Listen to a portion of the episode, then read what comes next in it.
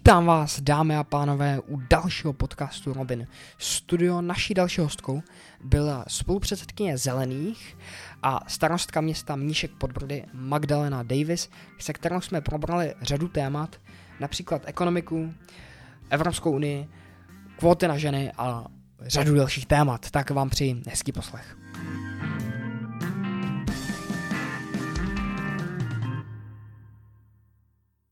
Vítám vás, dámy a pánové, u dalšího podcastu. Naším dalším hostem je předsedkyně, stran, spolupředsedkyně pardon, strany Zelených a starostka města Mníšek pod Brody. Vítám vás, dobrý den. Moc děkuji za pozvání, dobrý den. Eh, Magdalena Davis ještě, jak se, jak se dneska máte? Výborně, jak se máte vy? Taky se mám v pořádku, děkuji. Z, z jakého důvodu máte ty dva před, eh, vy jste dva, že jo? Máte jednu spolupředsedkyni a jednu spolupředsedu. Je to z nějakých genderových důvodů? Nebo... Je, určitě. Vlastně eh, tohoto volební období ve straně zelených máme ve vedení strany poprvé spolupředsedu a spolupředsedkyni. A jak už jste zmínili, je to jednak eh, z důvodu pro to, aby byly rovným způsobem zastoupeny ženy i muži. A jednak samozřejmě je to i z hlediska třeba zastoupení názorového, to znamená, že ve chvíli, kdy máte ve vedení strany dva lidi, tak e, máte mnohem širší zastoupení v rámci té strany, můžete se jednoduše domluvit, což se zrovna ve spolupráci třeba mezi mnou a Michalem Bergem velmi osvědčilo. Mám, mám tady jeden komentář, který mi přišel k vám, že, že, že když jsem napsal, že dorazíte, a je to, e, ne, neměli byste mít ještě třetího předsedu pro nebinární lidi například? Já si myslím, že uh, krok za krokem. To znamená, že napřed zkusíme ty spolupředsedy a pak uvidíme, jak se to vyvine. Jo, dobře. Co je to strana zelených? Tak je to dlouhodobá politická strana. Asi víte, že vlastně vznikla velmi krátce po pádu um, komunismu, takže v roce 1990. A je to strana, která dlouhodobě hájí zejména environmentální um, témata, ale vlastně uh, i sociální demokratický témata. Takže já bych se nebála říct, že je to vlastně jedna z tradičních politických stran, ale zároveň strana, která určitě nepředstavuje žádnou majoritu na, na politické scéně, protože vlastně zastupuje um, témata, které většinou mají poměrně slabý hlas. Hmm. A je environmentalismus tak důležitý, abyste si ho dali do názvu z vaší strany? Já si myslím, že uh, je a v každé té době měl nějaké opodstatnění. Vlastně v době, kdy vzniká strana zelených v tom 90. roce, tak uh, to bylo těsně po pádu komunismu, hmm. kdy uh, v životním prostředí vypadalo poměrně žalostně. Určitě si vzpomínáte na slavný film Ropáci, který na to poukazoval. A vlastně za těch 30 let ta, některé aspekty se samozřejmě zlepšily, ale co se týče některých globálních věcí, zejména klimatické změny, tak eh, tam naopak teda hmm. um, poměrně jednoznačně směřujeme um, k něčemu, co se dá označit jako poměrně globální environmentální katastrofa. A proto si myslím, že uh, právě ty témata strany zelených jsou teď eh, čím dál tím aktuálnější. Jo, jo. K zeleným tématům se určitě ještě dostaneme, ale uh vy jste řekla, že jste sociální, že jste sociální demokraté, nebo jak, jak to řekl? Já jsem řekla, že vlastně hájíme environmentální témata a zároveň i sociální a demokratická témata. To znamená, že vlastně to je součástí uh-huh. těch pilířů zelené politiky. Jo, jo, dobře. A, takže um, hájíte tržní ekonomiku, teda zregulovanou, a, um, ale ha, pořád ji hájíte. Teda. Dalo by se to tak říct. To vlastně Um, já, když si vzpomenu na svoje dětství, já jsem vyrůstala v socialismu, uh, tak pro mě vlastně uh, ten současný uh, tržní systém uh, představuje uh, pořád vlastně dobrý základ, nikoli však dokonalý a bezchybný, to znamená, že my jsme určitě někdo, kdo eh, hájí to, aby eh, vždycky docházelo k nějaké regulaci, což ostatně teda v tom současném tržním hmm. systému stejně dochází. Jo? Je vlastně i vlastně směrem k některým ekonomickým zájmům, když se podíváte na investiční pobídky nebo různé slevy na daních, tak to se vlastně i v tom současném systému děje. Jo, jo. A to, to tedy chcete zachovat? Teda, nebo... Uh, určitě uh, ano a jde vlastně o to jenom, kterým uh, směrem vlastně pobízíte jo. tu ekonomiku. A pokud ji pobízíte jako doteď vlastně směrem, na který dopácejí třeba lidé zdravotně, když se podíváme na to, jak bylo doteďka zvýhodňováno třeba uhlí, a, a veškeré externality vlastně uh, neplatili původci, ale uh, lidé svým zdravím, případně teda zdravotní systém svými většími náklady, tak uh, tam je vlastně ta hlavní otázka, uh, kterým směrem chcete, aby se celá ta ekonomika vydávala. A pokud jsme teď na hranici uh, období, kdy je potřeba začít pobízet uh, k nějaké transformaci, které třeba vybízí Eh, zelená dohoda pro Evropu, kterou propaguje Evropská unie, tak eh, pak se musíme bavit o tom, že mm, regulace bude a pobídky budou dál pokračovat, ale budou pokračovat tak, aby došlo k oživení ekonomiky. Jo, jo dobře, dobře. Takže eh, pro, proč se vám jako straně zeleným tak moc nedaří v třeba s Německem? Myslíte, že to je třeba kvůli Pirátům? Nebo? Určitě taky. Já si myslím, že mm, jeden z těch důvodů je, že mm, my jako strana zelených jsme nedokázali v době, kdy to jednoznačně bylo možné, a to, to je zároveň i shodou okolností doba, kdy vlastně nejvíc postoupili do čela Piráti, využít těch autentických témat, které, kterými jsme nositeli už hrozně dlouho. Takže hmm. velká část toho, proč teď nejsme úspěšní, je naše vlastní chyba. Pak samozřejmě, pokud se podíváte na srovnání se zelenými v Německu, tak uh, musíte se podívat i na nějakou um, změnu mentality. Uh, když přejdete hranice, prostě mentalita Čechů je jiná než mentalita Němců. A myslím si, že i v tom se hodně odráží potom to, jakým způsobem se dívají uh, na to, jak se dodržují pravidla, kdo vlastně vládne a podobně. Jo, jo. A, a jste rádi, že tady jsou ty piráti, které hájí některé vaše témata? Nebo? Uh, určitě. Uh, jako já si Osobně uh, bych si odpustila svoji angažovanost ve chvíli, kdyby ve světě uh, fungovalo všechno tak, jak já bych si přála. A pak bych vlastně neměla vůbec důvod do toho nějak vstupovat. Hmm. Já jsem vstoupila do politiky, protože uh, jsem cítila, že je potřeba nějaká změna a jak jinak jí změnit, než se sám stát tou změnou. Nicméně jsem ráda za každého politika, který um, hájí priority, o kterých já si myslím, že jsou důležité. A v čem se neschodnete s Piráty? Eh, tak těch věcí je celá řada. Eh, když se podíváte vlastně na naše, eh, na naše programy, tak já už jsem to jednou popisovala, že vlastně ehm, ten základní rozdíl, který aspoň vnímám já, je, že podstatou strany zelených vždycky bývala sdílená zodpovědnost. A tak, jak vnímám já vlastně Piráty, tak jejich podstatou je osobní svoboda. A já tomu do velké míry rozumím a i vlastně strana zelených se snaží co do největší míry umožnit lidem, aby se mohli svobodně rozhodovat, ale eh, jsou prostě určité hranice, na kterých se s Piráty neschodneme. Mm-hmm. Které například? Uh, jedná se vlastně um, o regulaci některých věcí. To znamená, že um, tam, kde uh, chcete, aby um, lidem si mohli rozhodovat naprosto o čemkoliv, tak um, v určité chvíli vlastně to poškozuje uh, úplně um, celou tu populaci. Když se podíváme třeba na energetiku, tak uh, se určitě neschodneme na tom a tam se samozřejmě neschodneme i z mnoha jiných stran s mnoha jinými stranami uh, Jádro, na, ne? přesně tak, uh, na tom, jak vlastně postupovat do budoucnosti. Um, my jako zelení jednoznačně hájíme uh, bezemisní, ale zároveň obnovitelné zdroje energie. Naopak, eh, pokud se eh, nepletu, tak Piráti eh, vlastně jsou otevřen jaderné energii nejenom samozřejmě v té stávající podobě, mm-hmm. ale i z hlediska nějakých potom dalších výzkumných ehm, možností, jako jsou malé reaktory a podobně. Jo, jo. Tak k zelené politice se určitě dostaneme. Ještě bych chtěl váš názor na komunistickou stranu. Jsou vám blízcí jako názorově v některých věcech, když jste sociální demokraté?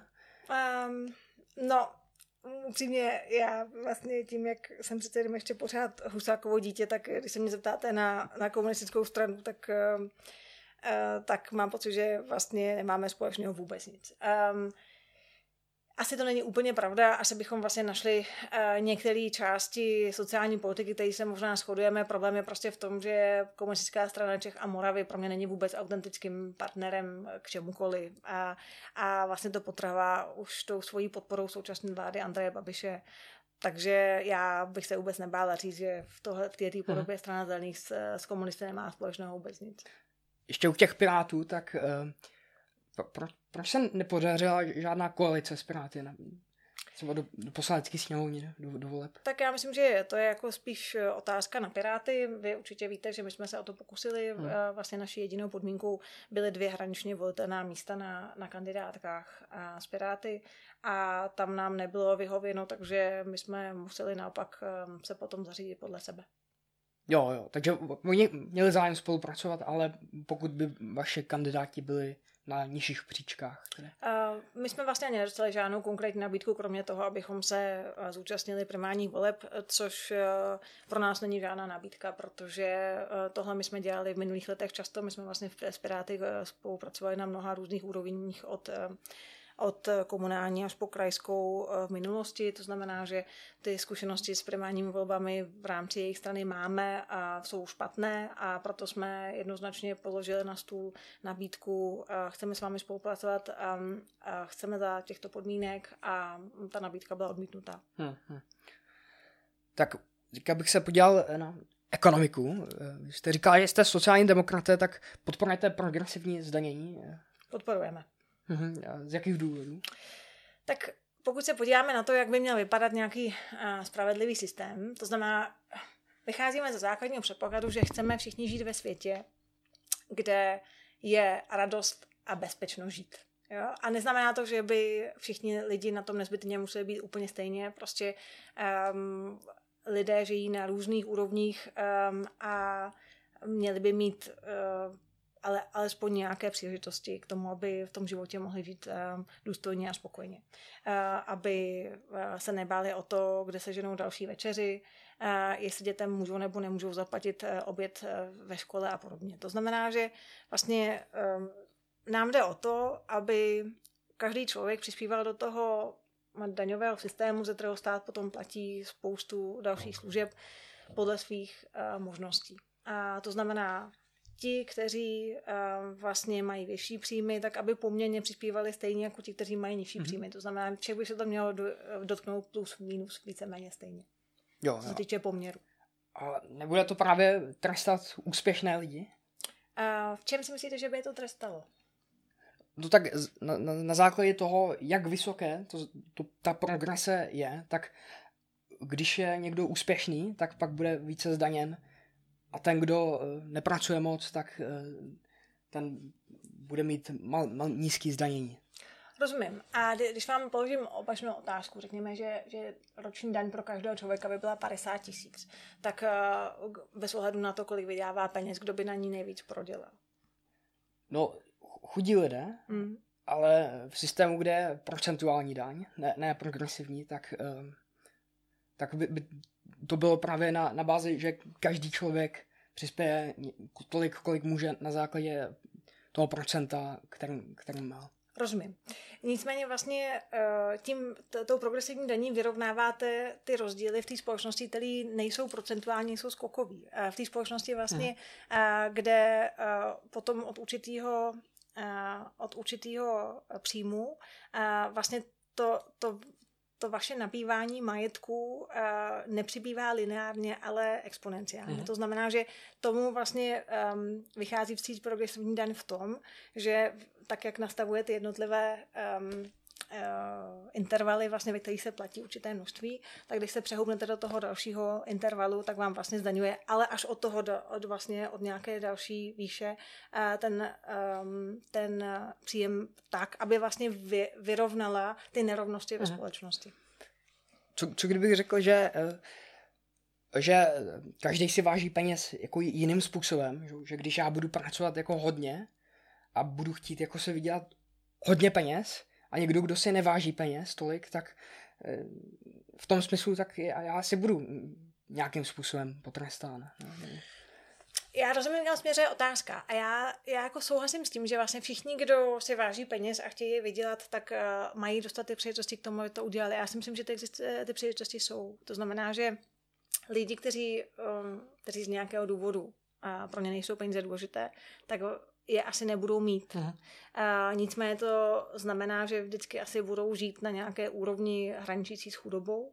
A to znamená, že e, i pro tyhle ty lidi z nějakých důvodů bychom se měli snažit zajistit důstojní podmínky pro život. A to ne jenom kvůli nim, ale i kvůli sobě. Představte uh-huh. si, že vlastně um, žijete ve společnosti, kde uh, vy vyděláváte dost peněz, máte se dobře, ale bojíte se poslat svoje děti do školy samotný, protože po cestě by je mohl přepadnout gang chudých lidí, kteří už opravdu nemají vůbec o co přijít. A to, to není sci-fi, jo? to je třeba uh, Jižní Afrika. Já jsem dlouho pracovala uh, v Austrálii, měla jsem spoustu kolegů z Jižní Afriky, kteří tam odtud uh, vycestovali a říkali, milujeme Afriku, ale vlastně pro rodiny s dětma je to tak nebezpečné místo, že uh, jsme vlastně nebyli ochotní tam s těma dětma zůstat. A, a to je vlastně podstata sociální politiky. Vy se snažíte vytvářet prostředí pro všechny lidi, tak aby uh, celá ta společnost byla vlastně pro všechny přívětivá. OK, eh, pokračujeme eh, k dalšímu eh, tématu, ale ještě zůstaneme u těch daní. Státní rozpočet bude mít, tuším, 390 miliard schodek. Co s tím? Já si myslím, že ta cesta je jednoznačná. Um, všichni se to bojí říct jako politici, ale vlastně um, jsou jenom dvě cesty, jak to můžete vyrovnat. Jedna je, že zvednete daně a druhá je, že zvednete služby. To znamená, že vlastně buď uh, lidé budou platit více na daních, uh, anebo budou platit více za uh, něco, co stát poskytuje, ale budou za to více, platit více peněz. Um, to znamená, že z mého hlediska je naprosto nezbytné, že po volbách stejně dojde k nějaké změně v zákoně. To znamená, buď se znova vrátí superhrubá mzda, nebo se vlastně znova přehodnotí um, daně, ale bude k tomu muset dojít. Takže eh, zvyšování daní je, bude potřeba. Myslím si, že to je nevyhnutelný. Uh, ne, určitě to nebude plošné zvyšování daní, určitě vlastně uh, třeba my máme v, pro, v našem vlastním programu to, že bychom se rádi soustředili i na majetkové daně, to znamená uh, ty části majetkových daní, které nejsou moc využívané, tak aby byly využívány o něco víc. Ale um, jak říkám, obecně to prostě bude nevyhnutelný směr. Jo, jo. Takže e, i zavedení nových daní, vy podporujete zavedení nových daní jako e, nemovitosti a já nevím, jestli úplně nových daní, ale vlastně třeba novou definici. Já tím, že jsem starostka, tak vlastně um, jedna z daní, kterou řešíme na úrovni samozprávy, jsou daně z nemovitostí. A je to daň, která je um, využívána obcemi různě. V některých místech vlastně skoro vůbec, v některých Aha. místech hodně, ale zároveň i ta její flexibilita je poměrně nízká. To znamená, že tam ještě jak samozprávy, tak vlastně obecně stát má varianty, jak s nimi nakládat. To znamená, že můžete vlastně díky tomu, že um, můžete mít třeba velké firmy, které někde vlastní velké sklady tak to, a zároveň je používají na něco konkrétního, tak můžete definovat, jak ta daň z nemovitosti bude vypadat tak, aby přinášela třeba do toho obecního rozpočtu další e, finance na to, aby třeba kompenzovala hmm. to, že někde máte u obce velký sklad a podobně co, co já vidím za problém, je to, že eh, ty obce a kraje jsou jako závislí na tom státním rozpočtu. Hmm. Že eh, kdyby ty daně byly rovnou posílány těm obcím a krajům, tak by nebyly závislí na, eh, na, na té vládě a na, na poslanecké sněmovně a že, že by byly samostatnější. Hmm. Co se to myslí? No ono je to ano i ne. Já vlastně, já rozumím tomu, kam vlastně s tím míříte.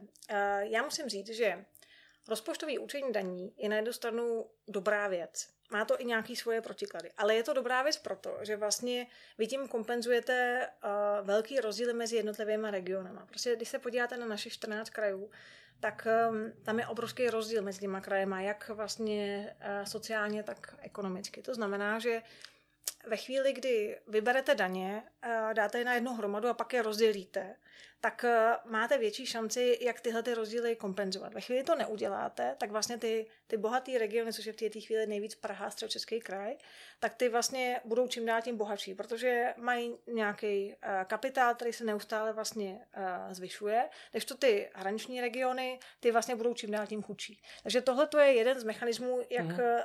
Tomu, tomu zabránit a je to dobrý mechanismus, protože pokud to neuděláte, tak vlastně v nějaký chvíli ty lidi z těch uh, chudých regionů si řeknou, a proč já tady vlastně za takhle jako nuzný peníze dělám tohle, radši se přestěhuju do Prahy a tam budu mít lepší práci. Jenomže do Prahy a do středočeského kraje se prostě nevejde většina republiky. A, a bohužel přitom máme statistiky, které říkají, že během 50-70 let tam bude žít jedna třetina celé republiky stejně. Ale vlastně v dnešní době, kdy vidíme, že přece jenom digitalizace a, a další nástroje nám dávají možnost, jak decentralizovat některé služby, tak vlastně je to jistá naděje, že se nám podaří znova ty rozdíly mezi těmi jednotlivými regiony vyrovnat. Takže tady z toho hlediska je to důležité. Na druhou stranu, a tam s váma souhlasím, obce jsou závislí na politice státu, to znamená, že ve chvíli, kdy uh, se stane něco jako v roce 2020 na konci roku, kdy se schválil daňový hmm. balíček a jak zrušení superhrubé mzdy, tak vlastně uh, zvýšení uh, slevy na poplatníka, tak najednou obce přišly o desítky milionů korun jako na obci. To, to znamená, jako celkově ten balíček byl opravdu obrovský. A to může najednou vlastně jako zamíchat se spoustou věcí, které v té obci jsou připravované, jako jsou investice, opravy a podobně. Takže já jsem třeba zastáncem toho, že do budoucnosti je nezbytné, aby obce si vytvořily nějakou část svých vlastních příjmů, který asi by měly být založený hlavně na službách, které poskytují občanům. To znamená, aby některé služby obce vzaly sami na sebe, aby si je nezajišťovaly externě přes, přes komerční firmy, ale aby je prováděly sami a tím pádem vlastně měli i nějaký svůj vlastní jistý příjem, se kterým potom můžou do budoucna počítat. Teďka z vašeho programu cituji, eh, malým a středním podnikům chceme pomoci trojkombinací, snižování byrokratické zátěže, daňovou politikou, příznivou pro inovace a širokým výzkumným prostředím. To je váš program na rok 2021 do poslanecké sněmovny. Takže vy chcete snižovat daně pro eh, malé a střední firmy? Tak eh, my nechceme uh, ani jedno, ani druhé, to znamená ani snižovat, ani zvyšovat, ale vlastně umožňovat třeba daňové úlevy. To znamená, um, nejlepší je vlastně propojovat ty jednotlivé oblasti tak, aby se navzájem doplňovaly. Třeba a pokud nějaký podnik má eh, šanci v rámci svého provozu začít implementovat některé technologie, které jsou ehm, třeba mm, uhlíkově neutrální, to znamená, můžete jim umožnit třeba zrychlený odpisy. Nebo ve chvíli, kdy um, vám jsou schopní zaměstnat lidi, kteří normálně nejsou uh, možný vlastně dodat na trh práce. Například, když se podíváte na rodiče, kteří se starají částečně o děti a ne, nejsou schopní vlastně pracovat na plný úvazek. To znamená, že ve chvíli, kdy máte firmu, která zaměstnává na, jeden, na jednu pozici dva lidi na částečný úvazek, tak vlastně tím umožňujete tu expertízu z té společnosti vracet zpátky do toho trhu práce. Tam můžete třeba nabídnout e, slevu na sociálních odpisech, aby to pro tu firmu bylo výhodné. To znamená místo toho jednoho člověka na plný úvazek, jo. aby se jí vyplatilo mít dva. To vidím asi jeden problém, že e, ten stát bude říkat, e, kdo bude mít nízké daně a kdo ne. A e, myslím si, že to může být jako kontrolní mechanismus pro stát, aby kontroloval, jako, co dělají ty firmy a mm-hmm. co, co dělají a jak to dělají. Mm-hmm. Nemyslíte si, že je to taky problém? Tak hlavně to není žádná změna. A to stát už hm. dávno dělá. A jak jsem vlastně tady hmm. zmiňovala, investiční pobídky, Ehm, když se třeba podíváte na zemědělství a dobrý příklad je eh, jedna z firm, která patří do ehm, vlastně do toho ehm, aglomerátu Agrofertu, což je firma Preol, tak ta v roce 2005 až 2010 získala několik investičních pobídek všech investů, což byla půl miliarda slevy hmm. na daních a asi 10 milionů v dotacích. Um, to je prostě regulární uh, způsob, jak stát zasahuje do toho, kdo platí a kdo neplatí daně. Takže pak se jenom musíte ptát, uh, kterým směrem chcete jít, koho chcete podpořit. Uh, dobře, dobře.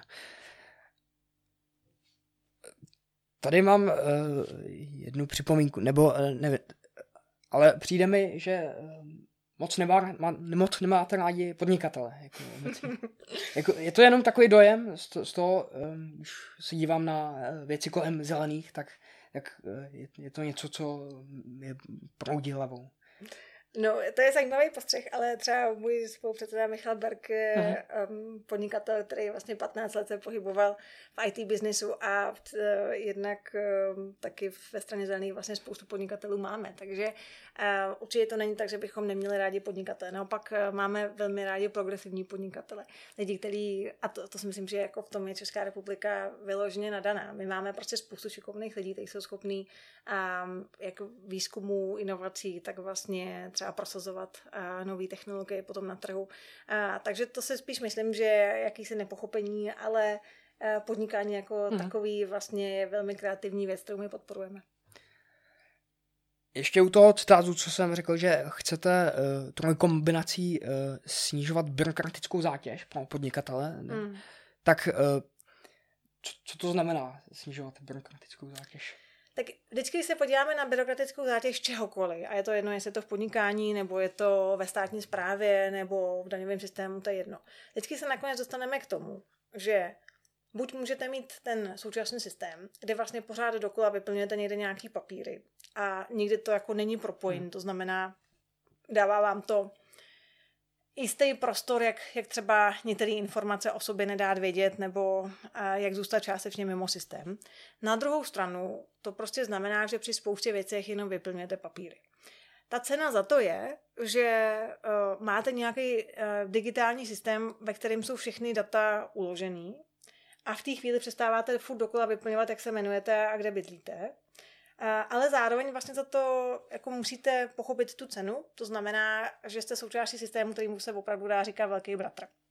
Já to, o tom mluvím, protože jsem to zažila sama, jak jsem zmínila, jak jsem vlastně 10 let žila v Austrálii a tam vlastně existuje systém, který se jmenuje MyGov. A tam uh, ve chvíli, kdy vyplňujete uh, daňové přihlášení, tak tam vyplňujete zároveň um, banku, ve který, kam vám chodí hmm. peníze, vyplňujete, jaký máte dividendy v různých firmách, uh, jaký máte příjem, kolik kde komu přispíváte na darech. A ten systém má přístup úplně ke všemu, včetně vlastně vašich um, zpráv třeba eh, ohledně eh, využívání zdravotnických služeb a podobně.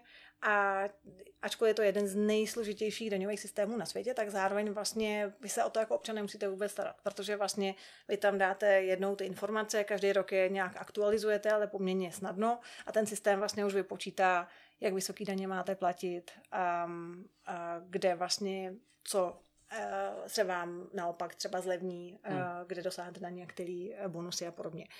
To znamená, že vlastně to je systém, ve kterém už je velmi složitý podvádět. A ehm, pokud chceme snížit byrokratickou zátěž, tak si myslím, že jedinou odpovědí je takovýhle systém. Mhm. Jak jste to teďka popisoval s tím velkým bratrem, tak uh, vám to, to nevadí teda, že, k tomu může dojít k um, sledování jako lidí, a, nebo ne lidí, ale těch podniků. To je i lidí samozřejmě, to, jo? to se týká úplně všeho, no. to znamená jak právnických, tak fyzických osob. Uh, no to já právě schválně jako nechávám na každý, ať si, ať si o tom udělá svůj vlastní obrázek. Jo, jsou, jsou určitě situace a dokážeme si je představit, a kdy najednou to, že někde máte nějakou databázi, ve které no. je úplně všechno o vás, může být naprosto nebezpečný. A pak je to velká otázka bezpečnosti, jako národní bezpečnosti, jak takovýhle data ochránit. A říkám, a na druhé straně vám to vlastně dává velkou um, velkou možnost, jak snížit byrokratickou zátěž u věcí, které jsou neuvěřitelně propojeny. Um, dobrý příklad je asi vlastně sčítání domů lidu a bytů, který probíhalo před válkou uh, v Česku, na, na, vlastně na úrovni tehdejšího Československa, kde lidi samozřejmě, a já se to do dneška, uh, můžou vyplňovat uh, nejenom národnost a, a byt, ale vlastně i náboženství. A na, tehdy vlastně co to samozřejmě vyplňovalo všechno na papíře, nicméně ty, ty archy, ty seznamy těch lidí existovaly a, a byly to první hmm. dokumenty, které byly zne, z, vlastně zneužitý nacistama k tomu, aby začali hledat, vyhledávat eh, židovské rodiny. A zmiňuji to proto, že vlastně každý takovýhle systém, každý informace mají nějaký potenciál, jak se dají zneužít a je jenom potřeba o tom vědět, není potřeba tím strašit nebo uh, od toho odrazovat, ale říkat uh, vždycky celou, celou tu um, jako vlastně všechny ty skutečnosti, že vždycky je něco za něco a pokud chceme něco, tak musíme být připravení um, i vlastně na tu druhou stránku věci, například na tu zvýšenou bezpečnost. Mm-hmm. No, to, to je asi jeden velký problém, že když uh, stát uh, centralizuje uh, a zdigitalizuje všechny informace, které jsou obrovské o těch o občanech a pak to jde zneužít jednoduše. A i, i kdyby, já si myslím, že i kdyby tam byla teďka nějaká vláda, která by je ne, ne, nezneužívala, tak rozhodně přijde nějaká vláda, která to zneužívat bude. Já si nemyslím úplně, že by to zneužívala vláda, protože vláda je vlastně eh, jako orgán toho daného státu, který je zvolený pro to, aby, eh, aby ten stát nějakým způsobem vedl. To znamená, že eh, spíš bych se obávala toho, že to stane třeba centrem útoku nějakých hackerských skupin, který pak toho můžou zneužívat ve smyslu, že budou hmm. vydírat ty vlády k něčemu. To si dokážu představit velmi živě. Ale jak jsi to popisoval u těch nacistů, tak to se nemůže stát něco podobného? Uh, teoreticky samozřejmě může. Uh, já jenom říkám, že vlastně to větší nebezpečí uh, vidím spíš uh, uh-huh. třeba v, v dnešních um, kybernetických válkách, které probíhají. Jo, dobře, dobře. Co si myslíte o elektronické evidenci tržeb? Tak uh, já jako chápu, proč byla, uh, proč byly vlastně, proč byla zavedená, nicméně uh, Myslím si, že pokud bychom měli v systému, o kterém jsme se teďka bavili, to znamená digitalizovaný systém, ve kterém by bylo jasný, kdo má jaký příjmy, tak by elektronická evidence tržeb vůbec nebyla nutná. Mhm, jo, dobře, dobře. Zelení chtějí navázat minimální mzdu na 50% mzdy průměrné. Mm. K čemu by to bylo dobré? Jak to bylo v těch um, sedmistatečných, přišlo nám to jako dobrý nápad. um, tak někde musíte začít. Jako když se podíváte vlastně na to, kolik v průměru lidi vydělávají, což hmm. si myslím, že dneska je průměrná mzda okolo 35 tisíc, tak um, vám přijde nefér, aby lidi měli méně než polovinu z toho. Uh, takže uh, to je nějaký začátek. A nestávají se eh, lidé, kteří nemají na tu minimální mzdu, pak neza, ne, nezaměstnavatelní? No, eh, ty, jako, jak to myslíte, že nemají na tu minimální no, že mzdu? že zaměstnavatel zaměstná pouze ty lidi, u kterých se jim to vyplatí. Uh-huh. A ty lidi, kteří už eh, nedosáhnou na tu mzdu minimální, tak ty, ty zaměstnavatel už nebude zaměstnávat. A proč pro, na ně nedosáhnou, tomu asi nerozumím. E, jakože mají nižší plat než minimální mzdu? No, to že... by neměli mít, že jo? E, no, e, že já ne, nevím, teďka, že č- člověk, který má, řekněme, základní školu a že je v nějaký jako oblasti, která není na tom tak ekonomicky dobrá, mm-hmm. tak když je minimální mzda tak vysoko, mm-hmm. že ten, tento člověk nebude, eh, že tohoto člověka nebude výhodné zaměstnat u, toho zaměstnavatele. Jo, rozumím. Ale um, jako měli bychom si říct, že minimální mzda je minimální, protože vlastně cokoliv pod ní už není k životu. Jo, to znamená, když si řekneme, že uh, aby um, člověk v České republice přežil aspoň v nějakých podmínkách, které neznamenají um, hlad a nějaký strádání, tak by měla být aspoň minimální hmm. Tak pak nemůžeme diskutovat o tom, jestli člověk se základním vzděláním z chudého regionu má tu cenu té minimální mzdy. Prostě každý člověk by na ní měl dosáhnout. Um, no tak, tak ale realita je taková, že ten člověk pak nebude zaměstnaný. Ne? I, I za tu menší mzdu. Uh, jasně, ale uh, tím myslíte, jako, že ho nikdo nezaměstná, protože se myslí, že vlastně mu nestojí ani za tu minimální mzdu. Takhle se to myslí. Ano. ano. Hm.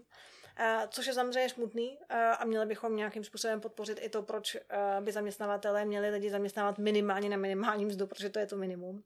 Ale zároveň jsou tam i teda nějaké varianty pro lidi, kteří třeba nechtějí nebo nemůžou pracovat na, na celý úvazek, to znamená třeba podpora lidí, kteří by si našli aspoň částečný úvazek.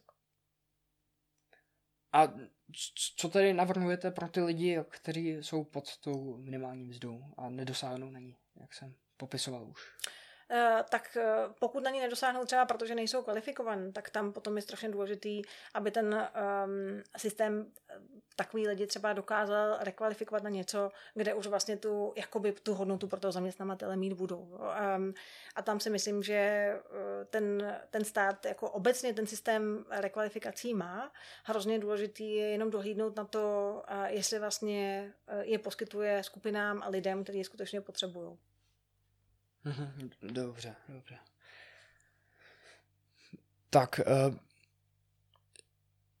jo, zelení chtějí uh, zavést uh, nebo splnit takzvaná maastrichtská uh, kritéria, která uh, jsou potřeba pro vstup do eurozóny a získání měny euro. Tak uh, k čemu, k čemu je to dobré? K čemu je euro dobrý? Tak um, já si myslím, že naše historie, ehm, ať už Československa nebo České republiky, eh, jednoznačně vypovídá o tom, že když jste malá země, tak eh, potřebujete patřit do nějakého většího celku, protože ve chvíli zůstáváte sám, tak ehm, se mnohem snadněji stáváte eh, obětí nějakých zájmů někoho jiného. A teď narážím samozřejmě od Rakouska, Uherska přes první, druhou světovou válku až vlastně po komunismus. A v jistým smyslu vlastně mi to tu perspektivu dalo i to žít mimo Evropu, protože pak najednou se uvědomíte, že um, se v jiných kontinentech na vás nedívají jako na jednotlivý země, ale prostě jenom jako na ten kontinent. A um, jednotlivý země jsou samozřejmě v tomto smyslu um, mnohem víc zranitelný. Takže pro mě přijmout euro znamená stát se um, stát se členem eurozóny, to je určitě politické rozhodnutí, spíš než ekonomický, hmm. ale je to vlastně, um, vlastně mnohem víc uh, něco, co přispívá k bezpečnosti České republiky, protože pokud by se někdo pokoušel o něco podobného jako Rusko na Ukrajině, tak vlastně je to vždycky o něco složitější to udělat v rámci země, která už má euro a patří do nějaké zóny. Druhá věc je, a to jsem teda, ačkoliv si stojím za tím, že to je víc politický rozhodnutí než ekonomický, tak zase ale na druhou stranu pravda, že třeba firmy v dnešní době, řada firm, už platí poměrně uh, vysoký transakční poplatky vlastně za převod měny. A uh, já jsem dokonce četla vyjádření České národní banky, že se jedná o stovky milionů ročně. To znamená, hmm. že už jenom tím, že ty, ty firmy vlastně musí operovat v obou těch, v obou těch měnách, je stojí tyhle ty hmm. náklady. Zároveň řada firm už vlastně v dnešní době platí svoje dodavatele nebo odběratele už vlastně ty transakce probíhají v euro, protože uh, nechtějí tyhle ty překážky. Takže na nějaký úrovni vlastně už to uh, v tom v některých firmách dávno běží. Jasně, t- takže to, to asi není důvod k tomu, aby jsme zavedli hlavní důvod, protože že, ty, ty velký, velký firmy, které uh, chtějí obchodovat, tak už mají nakoupený to euro a mohou už a i, i, i menší firmy, to, to už, ta, tam ty um, transakční náklady už nejsou zase tak velké. Tak oni jsou poměrný. Ale... Jako tady vlastně vidíte, že, um, že to je vlastně pro ty firmy výhodný, uh-huh. to znamená, že by to bylo výhodný i pro ty, kteří teďka platí ty transakční poplatky. To, to, to, to určitě. Uh, nestalo by se to, že bychom začali ručit za uh, za pardon, teď mi vypadlo to slovo, za, za za státy jako Řecko a Itálie a podobně, ekonomicky špatné státy a jejich dluhy. Tak... Mm, tak ono se tím poměrně často v médiích vlastně straší, jakože, že to je jeden z těch uh, negativních důsledků, ale uh, já si troufám říct, že ta realita ukázala, že to tak není, protože vlastně v té době ekonomické krize, kdy vlastně se téměř položilo Řecko a Evropská unie, Eh, ho zachránila, tak se ukázalo, že vlastně jsme se toho báli tolik, že jsme si utáhli ty opasky příliš a vlastně se eh, a tu, tu krizi jsme trošku ještě prodloužili. To znamená, že ta síla, eh, ekonomická síla Evropské unie je obrovská, i vlastně tuhle tu krizi zvládla a, a ačkoliv se to na papíře může znát, že, zdát, že vlastně je to pro nás riziko, tak to žádné riziko v podstatě není. Není, jo v případě Řecka, což je menší stát, tak, ale třeba kdyby spadl nějaký větší stát ekonomicky, tak pak by to byl problém, ne?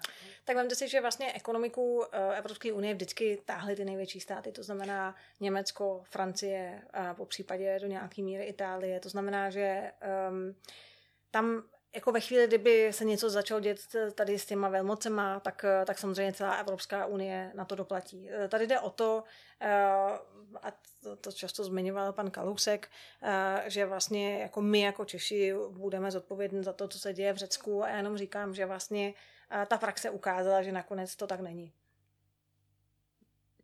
Jak to? No, že vlastně Evropská unie nakonec vlastně umožnila to, aby Řecko, který, jak se potom ukázalo vlastně před vstupem do Evropské unie, sfalšovalo svoje statistiky k tomu, aby mohlo do Evropské unie vstoupit. A pak následně vlastně to neustálo, protože jejich švart systém byl natolik velký, že vlastně um, že ta ekonomika ho neudržela. A přesto všechno a Evropská unie má tak obrovskou ekonomickou sílu, že to ustála. To znamená, že to jako není o tom, že kdyby se znova Řecko položilo, tak to položí celou Evropskou unii a my na to jako Česko doplatíme. Tak kdyby to třeba spadlo jako Itálie třeba, tak eh, pak, pak by bez ohledu na, na měnu, že, tak pak by eh, to bylo špatný pro celou Evropu. Přesně tak. Ale eh, pak bychom neročili za, za jejich dluhy, ne? Tak uh, my to jako v nějaký podobě stejně zaplatíme. Jo? To, to, jako problém je vlastně v tom, že naše síla spočívá v tom, abychom udrželi Evropskou unii. Ve chvíli, kdy ji neudržíme, tak vlastně na to všichni doplatíme. A, a jako jestli se to potom bude počítat na to, kolik zaplatíme za nějaký stát, nebo na to, že přijdeme o třetinu svých příjmů jenom protože vlastně vypadneme z Evropské unie, to už je vlastně nakonec jedno. Jako naším, mm-hmm. naším cílem by mělo být udržet tuhle tu společnost, protože je to pro nás pro všechny výhodný. Jo, jo. Ještě u toho, jak jste říkala, u toho Ruska, už, už už si nejsem jistý úplně, jak jste to říkala, ale můžete to trochu rozvíst, že v euro tak se zvedne obrany schopnost České republiky vůči státům jako Rusko? Tak uh, já ne, nemůžu říct, jestli obrany schopnost, protože na obrany schopnost potřebujete armádu. Jak jste to říkala?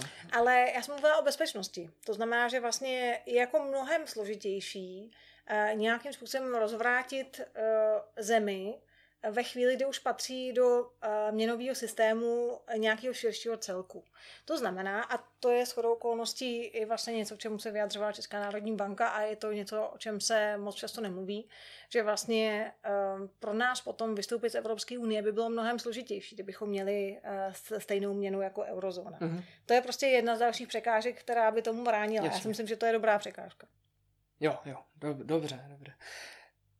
Takže je to obrana směrem k tomu, že se zase bude mnohem těžší vystoupit z Evropské unie, ale eh, teda jak Evropská unie se brání proti Rusku? Tak v dnešní době mám pocit, že vlastně největší boj probíhá skutečně na úrovni informací a dezinformací a potom na úrovni um, kybernetických krádeží. To znamená, hmm. že um, to, co se teďka odehrává, je vlastně nějaký aktivní, um, to, co se dřív odehrávalo na, na úrovni chřestění se zbraněma uh, a toho, kdo, kdo má víc jaderných hlavic a kam jsou namířený, tak se vlastně dneska odehrává um, systémem uh, dezinformací a rozvracení těch jednotlivých uh, demokracií směrem, který už teda bohužel byl prokázaný například i v USA, a vlastně v době prezidentských voleb, ve kterých kandidoval Donald Trump. A zároveň byl prokázaný v době, kdy se konalo referendum o Brexitu v, v Británii, mm-hmm. tak vlastně ten vliv těch... Ale jak tomuto brání Evropská unie? Přece, jste to popisovali, tak Británie byla součástí Evropské unie hmm. a podob, něco podobného jsem četl, že se dělo i v České republice v našich prezidentských volbách. Ano. A my jsme členy Evropské unie, tak jak, jak, jak konkrétně mm-hmm. brání? Já si myslím, že, a, a to ono už to teda samozřejmě probíhá, ale to, to hlavní uh, uvědomění si je, že mnohem větší součást našich armádních složek se přesouvá z úrovni pozemních operací a tanků do úrovni kybernetického hmm. prostoru. To znamená, že vlastně, a proto jsem taky začala tím, že ten hlavní boj probíhá na této úrovni a že um, znova vlastně to, že jsme součástí nějakého většího celku, nám poskytuje výhodu mnoha různých inteligencí, které vlastně se sebou můžou sdílet nějaké informace, můžou se včas varovat, můžou nějakým způsobem spolupracovat. A to samozřejmě zase jako jednotlivá země vůbec nemáte šanci uhlídat. Mm, jo, jo, jo tak uh, nevím, jestli na to ještě reagovat, ale uh, tak jo, uh, tak že v, v rám, Evropská unie tak má že, řadu těch, těch, těch struktur, uh, například sdílený policejní systém těch uh, nějakých kriminálníků a podobně. A to, to lze, uh, to, to mají některé státy, které jsou uh, mimo Evropskou unii a jsou v um, EFTě například. Mm-hmm. Jo, a nerozumím otázce jenom. No, e, žádná otázka, jenom, jenom e, takže e, vy jako zelení máte velmi, jak to říct, eurofilní, nebo ne, ale velmi blízký vztah k Evropské unii. Ano, a to zároveň neznamená, že k ní nejsme kritický. Uh-huh. Jako musím říct, že obecně se najde řada oblastí, kde uh, bychom si dokázali představit líp, ale vlastně rozhodně jsme zastánci toho, že Evropská unie má velký smysl. Jo, jo, dobře. A uh, Já to tady mám napsaný, že Evropská unie eh, dotuje velkým způsobem masný průmysl, který ne, není moc dobrý pro životní prostředí taky. Hmm. Takže to, to byste v rámci nějaké reformy tak taky změnili na Evropské unii. Tak ono se nejedná jenom o masný průmysl, ono se vlastně obecně jedná o obrovský lobby na úrovni hmm. zemědělství, který teda se týká hlavně francouzských zemědělců, ale i jiných oblastí. A bohužel třeba i při projednávání zelené dohody pro Evropu, um, když se projednávala ta část, která se týká zemědělství, což je vlastně farm to fork, jako od, uh, od um, výrobce ke spotřebiteli, to znamená, to měla být hmm. vlastně ta, uh, ta politika, kdy se ty uh, výrobky od těch farmářů dostávají co nejrychleji vlastně k těm spotřebitelům a je, je tam jako mnohem užší vztah um, i vlastně směrem k ekologizaci zemědělství, tak se ukázalo, že vlastně uh, i na úrovni Evropské unie, která oficiálně jako Evropská komise, i Evropská komise uh, vlastně přišla s tím tím návrhem, obhajuje ho, propaguje ho, tak pak vlastně na úrovni Evropského parlamentu není schopná prosadit, protože ty lobistické skupiny jsou příliš velké. Takže zrovna zemědělství patří jako je k jedním z těch uh, oblastí, které rozhodně potřebují uh, dlouhodobou jo. reformu, jak, jak u nás, tak v rámci Evropské unie. Uh-huh. Evropská unie, co, co říkáte na to, že Evropská komise ne, není volená lidma. Tak chápu. Chce, chcete to změnit, nebo jaký máte pohled? Uh, tam vůbec nevidím jako ten, ten zásadní uh-huh. vstup. Já si myslím, že um, to, co já vnímám mnohem méně transparentně, třeba Rada ministrů, to vlastně dneska už jo. Eh, jmenuje uh, jinak, ale uh, to je vlastně to rozhodovací, uh, ta rozhodovací součást Evropské unie, o který se u nás skoro vůbec nemluví, spousta lidí vlastně ani neví, eh, na jaký úrovni se ty rozhodnutí dělají, ale vlastně jako není to zlý Brusel, jsme to prostě mm. my, jsme součástí těch rozhodovacích procesů. No, se nevím, jo, eh, protože ještě u té Evropské komise, tak eh, ta, tam jsou kritéria, že eurokomisaři nesmí hájet zájmy členského státu a nesmí být je, tam, si, tam by se v podstatě euroskeptik nedostal žádný. Tak, že tam jsou kritéria takový pro vstup do té práce, že, mm-hmm. že člověk, který smýšlí euroskepticky, tak by tam nemohl ani být v té Evropské komise jako mm. euro, eurokomisař. Já si myslím, že uh, to je v pořádku, protože ve chvíli chcete vlastně pracovat pro nějaký celek, hmm. aby ten celek uh, fungoval konstruktivně, tak potřebujete mít nějaký základní předpoklady. Ale právě proto mluvím o radě ministrů, protože vlastně hmm. tam jsou volení zástupci, kteří potom reálně dělají rozhodnutí, který nakonec Evropská unie dělá jako celek. To znamená, že tam jako z hlediska rozhodovacích procesů je to mnohem důležitější. Jo, jo, dobře. Tak a teďka bych se rád zastavil u vaší spolupráce se sociální demokracií, která nevyšla. Co, co, co se stalo? Tak já myslím, že to bylo dost jasný vlastně z těch médií. Ehm, myslím si, že ehm, sociální demokracie přemýšlela o tom, eh, o jednom z těch směrů, kterým by se mohla vydat, eh, jako o směru spolupráce se stranou zelených a nakonec v ní vlastně vyhrála eh, ta konzervativní část, která jak vlastně bych použila slova pana Onderky, um, jako nebude podléhat zelenému šílenství a, a slova pana Hamáčka, který říká, že nebude nikoho nutit do spolupráce se zelenými. Takže já si myslím, že těch signálů bylo dost na to, abychom pochopili, že tam ta spolupráce minimálně v tuhle dobu není možná. Uh-huh.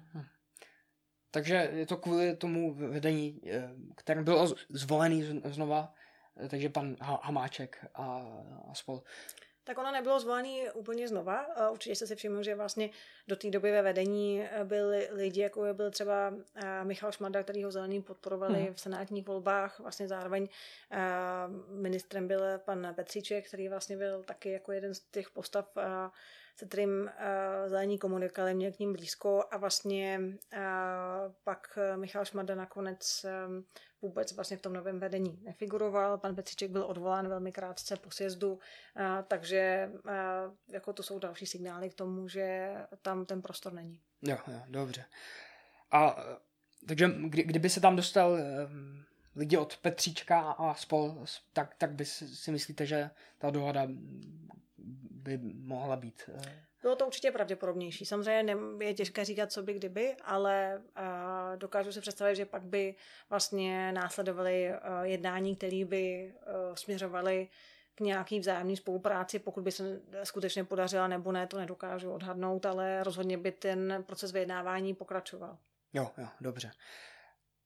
A ještě u té uh, sociální demokracie, tak uh, od vás váš bývalý uh, předseda Matěj Stropnický tak uh, odešel a teďka bude kandidovat uh, na druhý příčce kandidátky za sociální demokracii. Já, já jsem to nečetl nějak jeho zdůvodnění, ale pro, pro, proč se tak rozhodl? Stropnický. To se musíte zeptat jeho. Jo.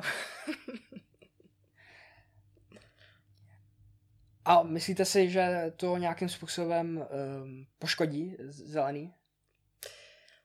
Mm, to si netroufám říct. Myslím si, že to poškodí sociální demokracii, ale to je jenom můj osobní názor. Jak to? Jak? Tak eh, vemte si, že vlastně eh, po tom, co eh, toto bylo oznámeno, tak odstoupili dva lidi z té pražské kandidátky. Uh-huh. Jeden byl její vedou, vlastně lídr, pan Pavlík, a druhý byl bývalý senátor Jiří Dinsbír, který ho asi osobně velmi vážím, taky jsem ho podporovala v jeho kandidatuře. A to něco znamená v sociální demokracii. To znamená, že tam ta schoda rozhodně není a proto si myslím, že to sociální demokracie poškodí. Jo, jo, dobře. Ale se sociální demokracií se teda neschodnete na těch eh, ekologických tématech hlavně asi. To si nemyslím, jako ve smyslu, když jsme se bavili ještě v době, kdy to vypadalo, že třeba budeme nějakým způsobem spolupracovat, tak si myslím, že tam na řadě věcí schoda byla. Teď tam ta schoda není, protože vlastně tam není ta priorita. Není tam ten pohled na to, že sociální politika musí jít ruku v ruce se zelenou politikou, jinak nemá žádnou budoucnost. Ale já to teďka vlastně ani jako nemůžu nějak dál komentovat, protože ani ten vývoj v rámci sociální demokracie uh, už nesleduju a um, možná, že na to jednou zase do budoucna dojde, ale teď to určitě není. Jo, jo, dobře. Tak ještě bych se zastavil u um, toho, že strana zelených uh, byla ve vládě, vy jste se dostali do poslanecké sněmovny, eh, tuším jako asi 2006, nějak tak, a vaše strana získala eh, nad, nad 5% v poslanecké sněmovně a stali se, jste se součástí eh, vlády a měli jste jednoho ministra, tuším. Dokonce víc ministrů. Více. No. Mě, mě, mě, měla strana zelených vstupovat do vlády z ODS? Tak um, bych řekla, že po bitvě je každý generál. Jo? Um, myslím si, že tam, tam došlo úplně klasické situaci, který dochází opakovaně na, i v různých státech a nedávno jsme toho byli vlastně um, svědkem i v Rakousku, kdy se rakouští zelení rozhodovali, jestli půjdou do vlády s Kristianem Kurcem. Prostě jste v situaci, kdy uh, víte, že, že pro vás jako stranu by bylo lepší zůstat v opozici. Uh, protože vlastně je to mnohem bezpečnější pozice. Když se čerstvě dostanete do poslanecké sněmovny, uh, tak eh, těch zkušeností um, evidentně ještě nemáte moc. To hmm. znamená, že uh, tehdy by asi pro stranu zelených bylo výhodnější, kdyby um, se do vlády uh, nedostala a vlastně působila v opozici jako nějaká konstruktivní opozice a vlastně budovala si nějakou pozici pro příští volby. Uh, nicméně ten, to dilema bylo, uh, a jestli se to vybavujete, nebo možná se to někde četl, vlastně v tom roce 2006 došlo k bizarní situaci, kdy uh, vlastně nebylo možné dlouho složit vládu, protože ty síly byly rozdělené přesně 100 na 100 a, takže tam nebylo dlouho možné vytvořit žádnou, žádnou hmm. většinu.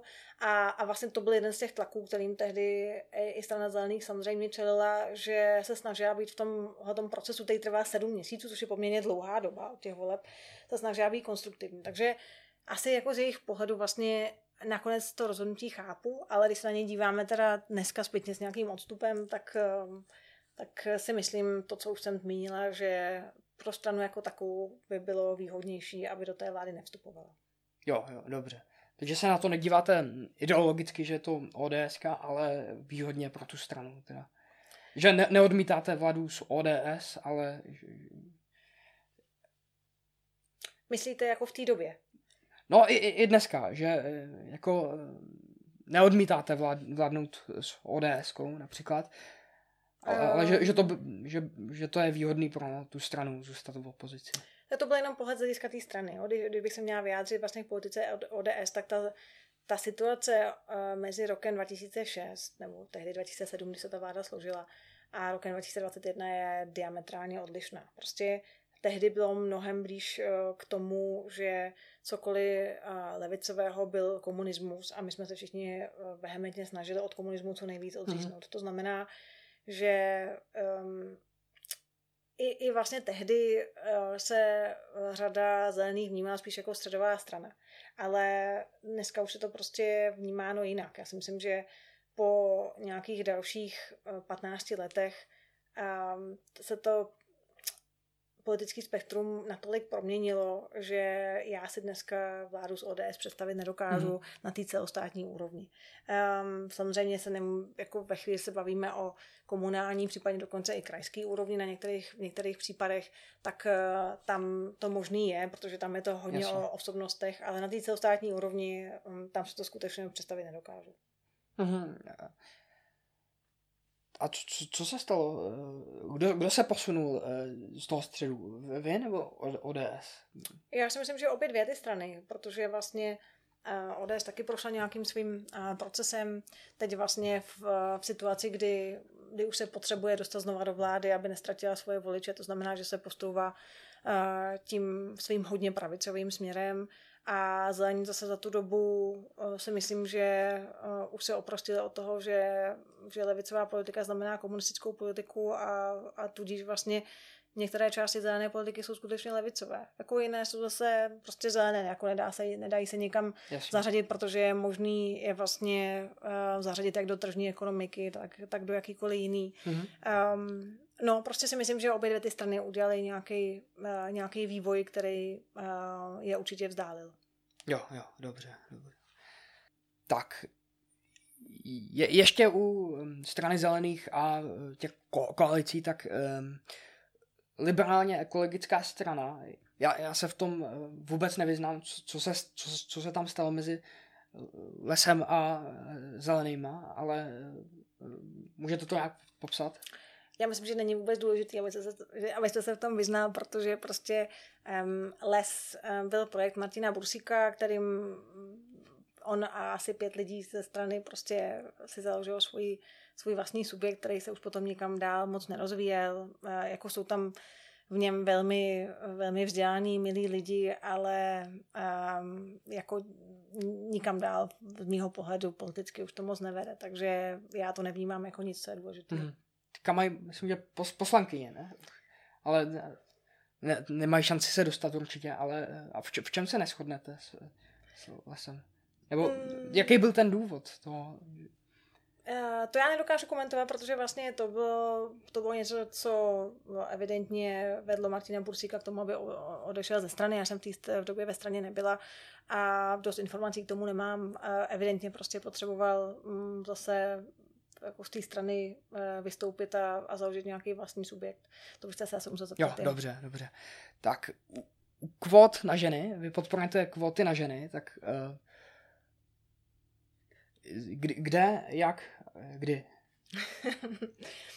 tak uh, my obecně podporujeme co největší rovnováhu. To, tím už jsme vlastně mm-hmm. začali na začátku té rovno, toho rozhovoru. To znamená, že um, my se vlastně snažíme překonat tu um, ten základ politiky jako takový. Uh, to znamená, politika vznikla už před mnoha lety a, a, a vlastně ty pravidla v ní vytvořili muži pro muže.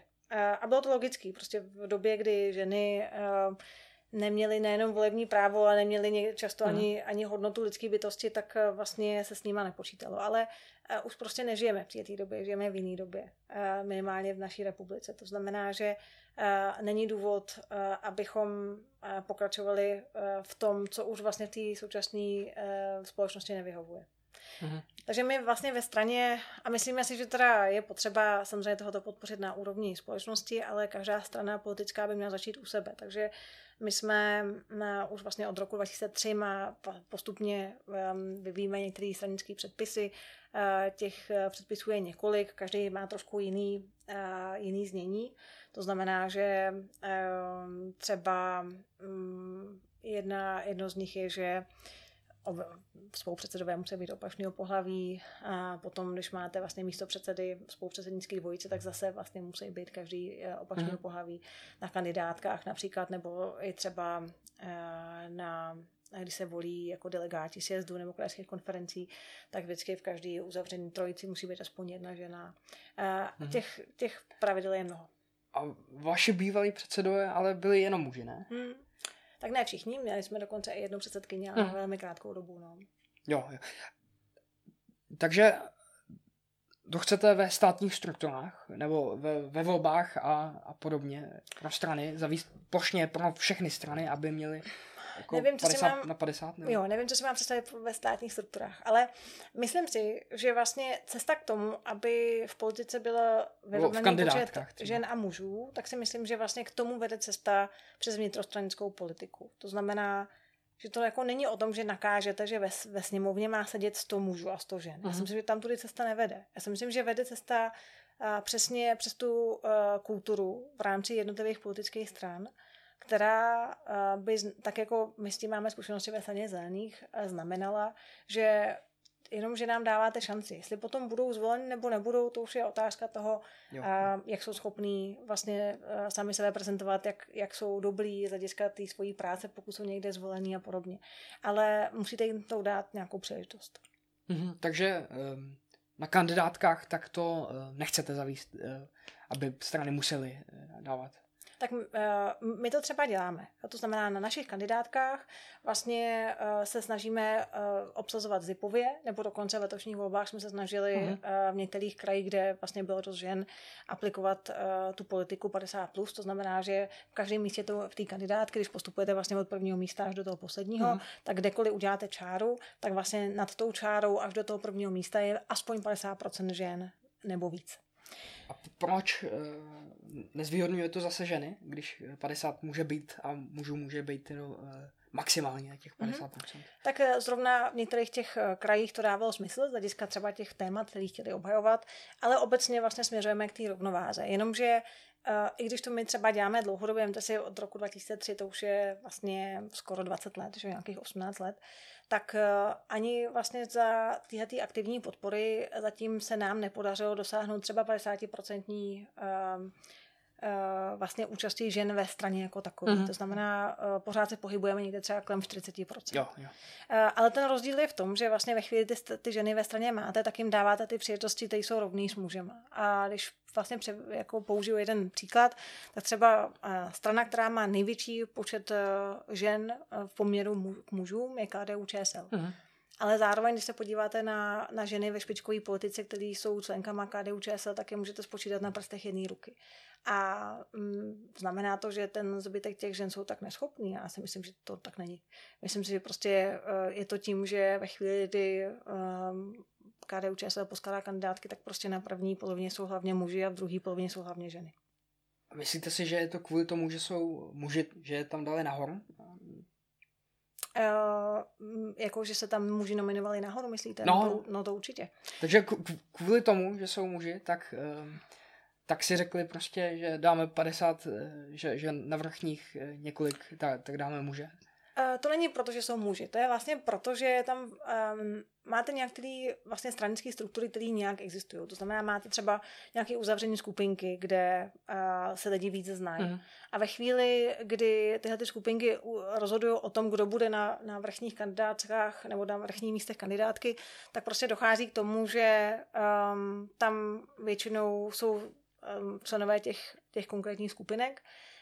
A jediná, jediná šance, jak vlastně tohleto změnit, je, když řeknete, že každá kandidátka bude třeba představená způsobem zipu muž-žena. Jo, jo. V té chvíli máte rovné příležitosti a pak se ukáže, kdo vlastně z voličů a zvolí ty jednotlivý lidi. To znamená ten argument toho, že lidi můžou vykrouškovat ženu, a z mýho pohledu není vůbec validní, protože vlastně už v té chvíli ta žena je znevýhodněná. Ve chvíli, kdy mají rovné podmínky, to znamená, jsou vlastně na střídačku muž, žena, muž, žena, tak eh, v té chvíli, pokud jdeme tohoto logikou, velmi schopní muži mohou být vykroužkováni, to znamená, nakonec to nemůže, nemusí dopadnout tak, že poslanců bude 50 na 50 muži ženy, ale zároveň tím vlastně dáváte ty rovné příležitosti k tomu, aby se to stalo ve chvíli, kdy to není tak, že jsou tam schopní ženy, eh, schopní muži a neschopné ženy, ale je to tak, že, že všichni mají nějaké vlastnosti, které jsou uh, dostatečné pro to, aby se stali poslanci a pak mají rovné příležitosti pro to, aby se to tak skutečně stalo. Mm.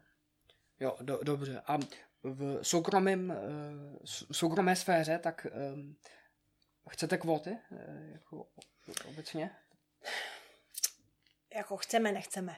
Uh, chceme ten výsledek. Jo? Je úplně jedno, jakým nástrojem se k němu dostanete.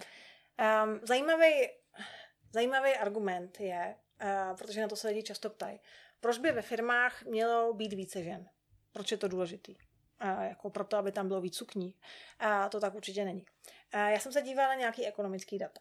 A když, a toho, to jsou teda data z Ameriky, protože český data zatím nemám k dispozici, ale pokud vlastně um, v těch amerických firmách se začali soustředit na to, aby měli větší diverzifikaci směrem k ženám, tak uh, z hlediska um, hodnoty neboli equity se jim zvyšovaly procenta o 53%.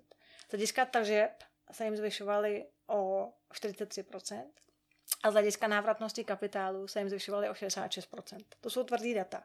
Ty vlastně ukázali, že v těch firmách pořád existuje um, nějaký zavedený model, který ale tu firmu limituje, protože vlastně uplatňuje jenom nějakou část té zkušenosti. A ve chvíli, kdy tuhle tu zkušenost diverzifikujete nějakou jinou skupinou, a v té chvíli to byly ženy, protože tam byly málo zastoupení, tak vlastně se to ukáže na, na ekonomických ukazatelích té firmy. Není jako lepší ukazatel než ty čísla. Takže firmy budou benefitovat z toho, že, nebo Firmy už benefitují z toho, když to dělají. A teď no. je samozřejmě otázka, jakým nástrojem jim ukázat, že to je pro ně vhodný tohleto udělat. Tak ale pokud to pro ně je ekonomicky výhodné, což, což je, dá, dávat, eh, tak proč je potřeba tam zatahovat stát nějakým způsobem? Třeba není. A třeba vlastně stačí na to jenom nějaká kampaň, těžko říct, ale vlastně v současné době se tomu nikdo moc nevěnuje. To tak znamená... Co má dělat stát? Aby tohoto podpořil, a, aby, aby, no, aby eh, podpořil eh, třeba že, ženy a, a že ženy v pracovních místech. Mm-hmm. Já si myslím, že um, jako jedna z těch úplně nejdůležitějších věcí je určitě osvěta. Uh, existuje uh, už mnoho materiály o tom, uh, jak vlastně je možný nerovnost mezi zaměstnanci a zaměstnankyněmi ve společnosti postupně eliminovat. Když následujete, je to asi devět kroků, který vlastně říkají, co všechno firma může udělat tomu, aby se to stalo. Samozřejmě hrozně důležitý je, um, do jaké míry Eh, ty firmy um, jsou nebo nejsou uh, ochotní se na tom podílet a je to nakonec, pokud jsou to soukromé firmy, tak je, je to na nich. Ale uh, obecně si myslím, že to první, uh, s čím by určitě stát mohl začít, je uh, začít sám u sebe. To znamená, uh, jak ve státní správě, tak vlastně uh, na pozicích, na kterých má stát nějaký vliv, tak uh, aby uplatňoval tyhle ty pravidla, protože pokud ta statistika ukazuje, že ty pravidla vlastně uh, benefitují nejenom ty ženy, zaměstnankyně a jejich rodiny, ale vlastně i tu ekonomickou stránku toho přínosu, tak pak není důvod, proč to nedělat. Dobře. Takže stát má dělat osvětu o, o těchto těch věcech. Teda tak stát by měl začít sám u sebe, to znamená Jasně, snažit a, se a, narovnat. A osvětu ještě. Ano, a co největší osvětu vlastně u, u soukromých firm, kde ty firmy rozhodují o tom a, sami. Dobře, takže uh, nepodporujete žádná jako na, nařízení jako na tvrdo, jako, uh, že v téhle firmě musí být jako 50 na 50 mužů a žen. Mm, nedokážu si to v té chvíli představit. Myslím si, že vlastně uh, těch nástrojů uh, je víc a co se týče kvot, tak si myslím, že ty by se prostě měly držet zatím na politický úrovni. Jo, jo, dobře. Tak kvůli času už eh, nemáme za stolik času, takže eh, možná kdybyste dorazil ještě někdy, tak můžeme probrat zelenou politiku. Ale ještě tady mám pár drobnějších témat, které bych rád ještě pro, pro, pro, prošel. Takže ještě u, u těch žen a, a podobně, Teďka cituju z vašeho programu zase, k existující rodičovské přidáme bonus 4 měsíce pro druhého rodiče, nejčastěji otce, který nepůjdou převést na matku. Hmm. Takže eh, proč zase? Tak eh, to vychází z naší rodinné politiky, to hmm. znamená, eh, že za prvý to má samozřejmě ten motivační aspekt pro toho otce, aby zůstal se svým dítětem aspoň nějakou dobu. Čtyři měsíce zase není tak dlouhá doba, ale není to zase tak hmm. krátká hmm. doba. Já upřímně třeba vycházím ze svojí osobní zkušenosti, kdy můj muž vlastně, když se nám narodilo první dítě, tak uh, s ním strávil poměrně hodně času. Já jsem se uh, vracela po roce a půl do práce a on vlastně jeden den v týdnu se o něj staral. To znamená, že vlastně ty povinnosti jsme měli rozdělené jedna ku pěti. Takže já jsem šla do práce uh, na čtyři dny a on vlastně uh, taky. A uh, vlastně ten jeden, jeden den se o něj staral. Respektive já jsem šla do práce na tři dny a pak, pak jsme to ještě do, toho zakomponovali jednu babičku a školku. A ten, ten vztah vlastně mezi mojí starší dcerou a mým mužem je obrovský. A vlastně on tuhle tu příležitost už potom neměl uh, s našimi druhýma dvěma dětma, protože mezi tím jsme se přestěhovali z Austrálie do Čech a tady vlastně uh, ta varianta nebyla, tady musel jo. pracovat na plný úvazek. A ačkoliv jako všechny tři svoje děti miluje bezmezně, tak je vlastně vidět, že ten, ten, to zvláštní pouto zůstalo jenom mezi ním a jeho starší dcerou.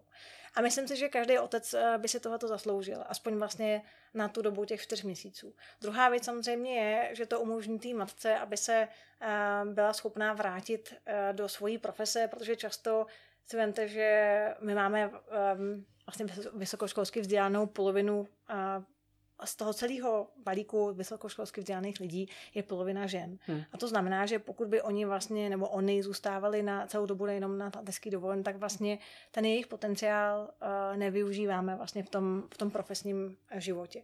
Takže i tohle je jeden z těch mechanismů, jak se ženy můžou uh, vrátit do své profese dřív. Jo, jo, do, dobře.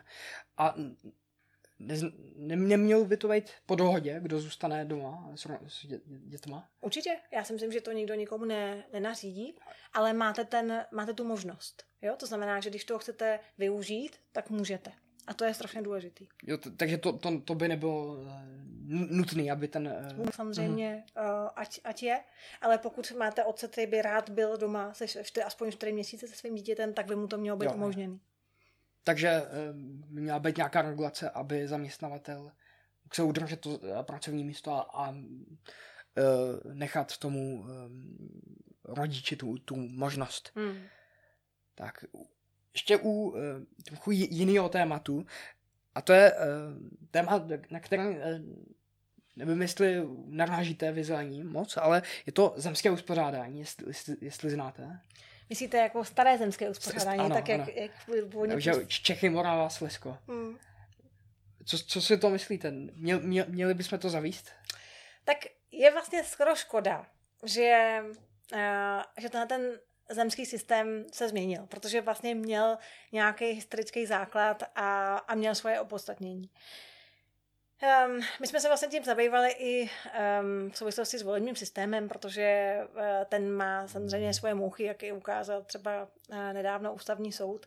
Takže uh, tohle byla jedna z těch variant, ale vzhledem tomu, že ty země nejsou uh, ani rozlohu, ani vlastně, co se týče obyvatel, rovnocený, tak v tom volebním systému uh, to, ta poměrnost je poměrně důležitá a tím pádem mi to nedávalo smysl. Tak takže jsme se už tím dál nezabývali. Jo. A co kdyby to nebylo jako eh, na vole, ve volebním systému, ale um, třeba jako, že by se pravomoci krajů dali do, do rukou těch um, uh, zemí. Hmm. Já v tom obecně jako nevidím žádný velký přínos, pokud by ty celky jako takový neměly nějaký další význam. Takže nedokážu na to jo, nějak jo. odpovědět. Dobře. Tak ještě úplně poslední téma, a to je u volebního systému, kterému jste nakousla, tak uh, jaký změny jsou potřeba ve volebním systému v České republice? No, mm, asi jako to nejdůležitější, co vlastně co se teďka stalo tím rozhodnutím toho ústavního systému, je nějakým způsobem narovnání toho distribuce eh, hlasů v jednotlivých obvodech, to znamená v těch, těch okrscích. To znamená, to, toho vždycky můžete dosáhnout jenom dvojím způsobem. Buď, buď vlastně vyrovnáte ty jednotlivé volební okrsky tak, aby byly co nejvíc uh, vlastně stejně početný, anebo potom změníte ten, ten dělitel, v tomhle tom případě to byl ten Dontův dělitel, který vlastně rozpočítává ty hlasy. Um, tady z toho hlediska třeba mm, ten argument pro to, abychom měli jeden obrovský volební obvod, to znamená, aby celá Česká republika byla jedním, jedním okrskem, tak jakoby vlastně splňuje ten požadavek, aby to bylo jednotný, poměrný, ale zároveň je to vlastně pro lidi strašně nepřehledné, protože když si představíte, že by potom vyplňovali archy s 200 podpisama, tak e, je to poměrně náročný a zároveň vlastně v dnešní době v tom vidím ještě jedno riziko a to je, že to nahrává stranám systému jednoho muže.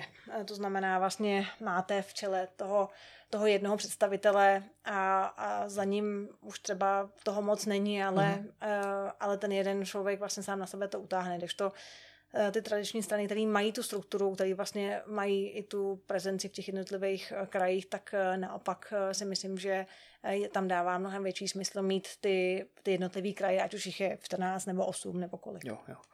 A když, ta, když tady byl Libor Vondráček, předseda svobodných, tak on říkal, že by rád zrušil pětiprocentní klauzuly do poslanecké sněmovny. Chtěl byste něco podobného? My jsme tam podobně, vy jste se vlastně na začátku ptal na volební změny, tak eh, my v tom programu jich máme víc. Hmm. Um, od toho, že bychom chtěli, aby vlastně volební právo měli lidi už od 16 let, až po to, že si myslíme, že ta volební klauzule by se měla snížit. Uh, jsou samozřejmě země, které volební klauzuly nemají vůbec. Uh, my, v tom, uh, my v tom programu a prosazujeme 3% volební klauzuly s tím, že ale navrhujeme ji zrušit u komunálních, krajských a evropských jo. voleb a úplně.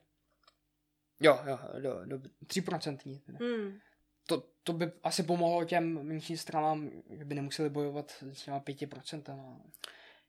Že by bylo mnohem realističtější, že se vaše strana nebo svobodní nebo jiné menší strany dostali do do poslanecké sněmovny. Tak samozřejmě to je pro nás um, důležitý a zároveň vlastně um, ten, to zaklínadlo té volební klauzule vždycky bylo takový, že vlastně přispívá stabilitě toho systému, ale pokud se třeba podíváme na ten rok 2006, kde, jak už jsem předtím zmínila, tam došlo uh, k tomu patu 100 hlasů proti 100, s těm 100 hlasům, tak evropští demokrati, kteří vlastně v té době dostali 2%, tak kdyby neexistovala volební klauzule, tak eh, vlastně získali uh, poslance hmm. a ta vláda mohla vzniknout o mnoho měsíců dřív.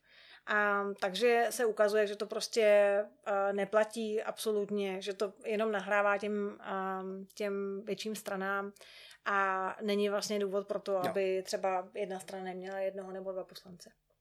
Dobře, já vám moc děkuji za, za zajímavé povídání. Díky já moc. taky moc děkuji. Naschledanou. Naschledanou.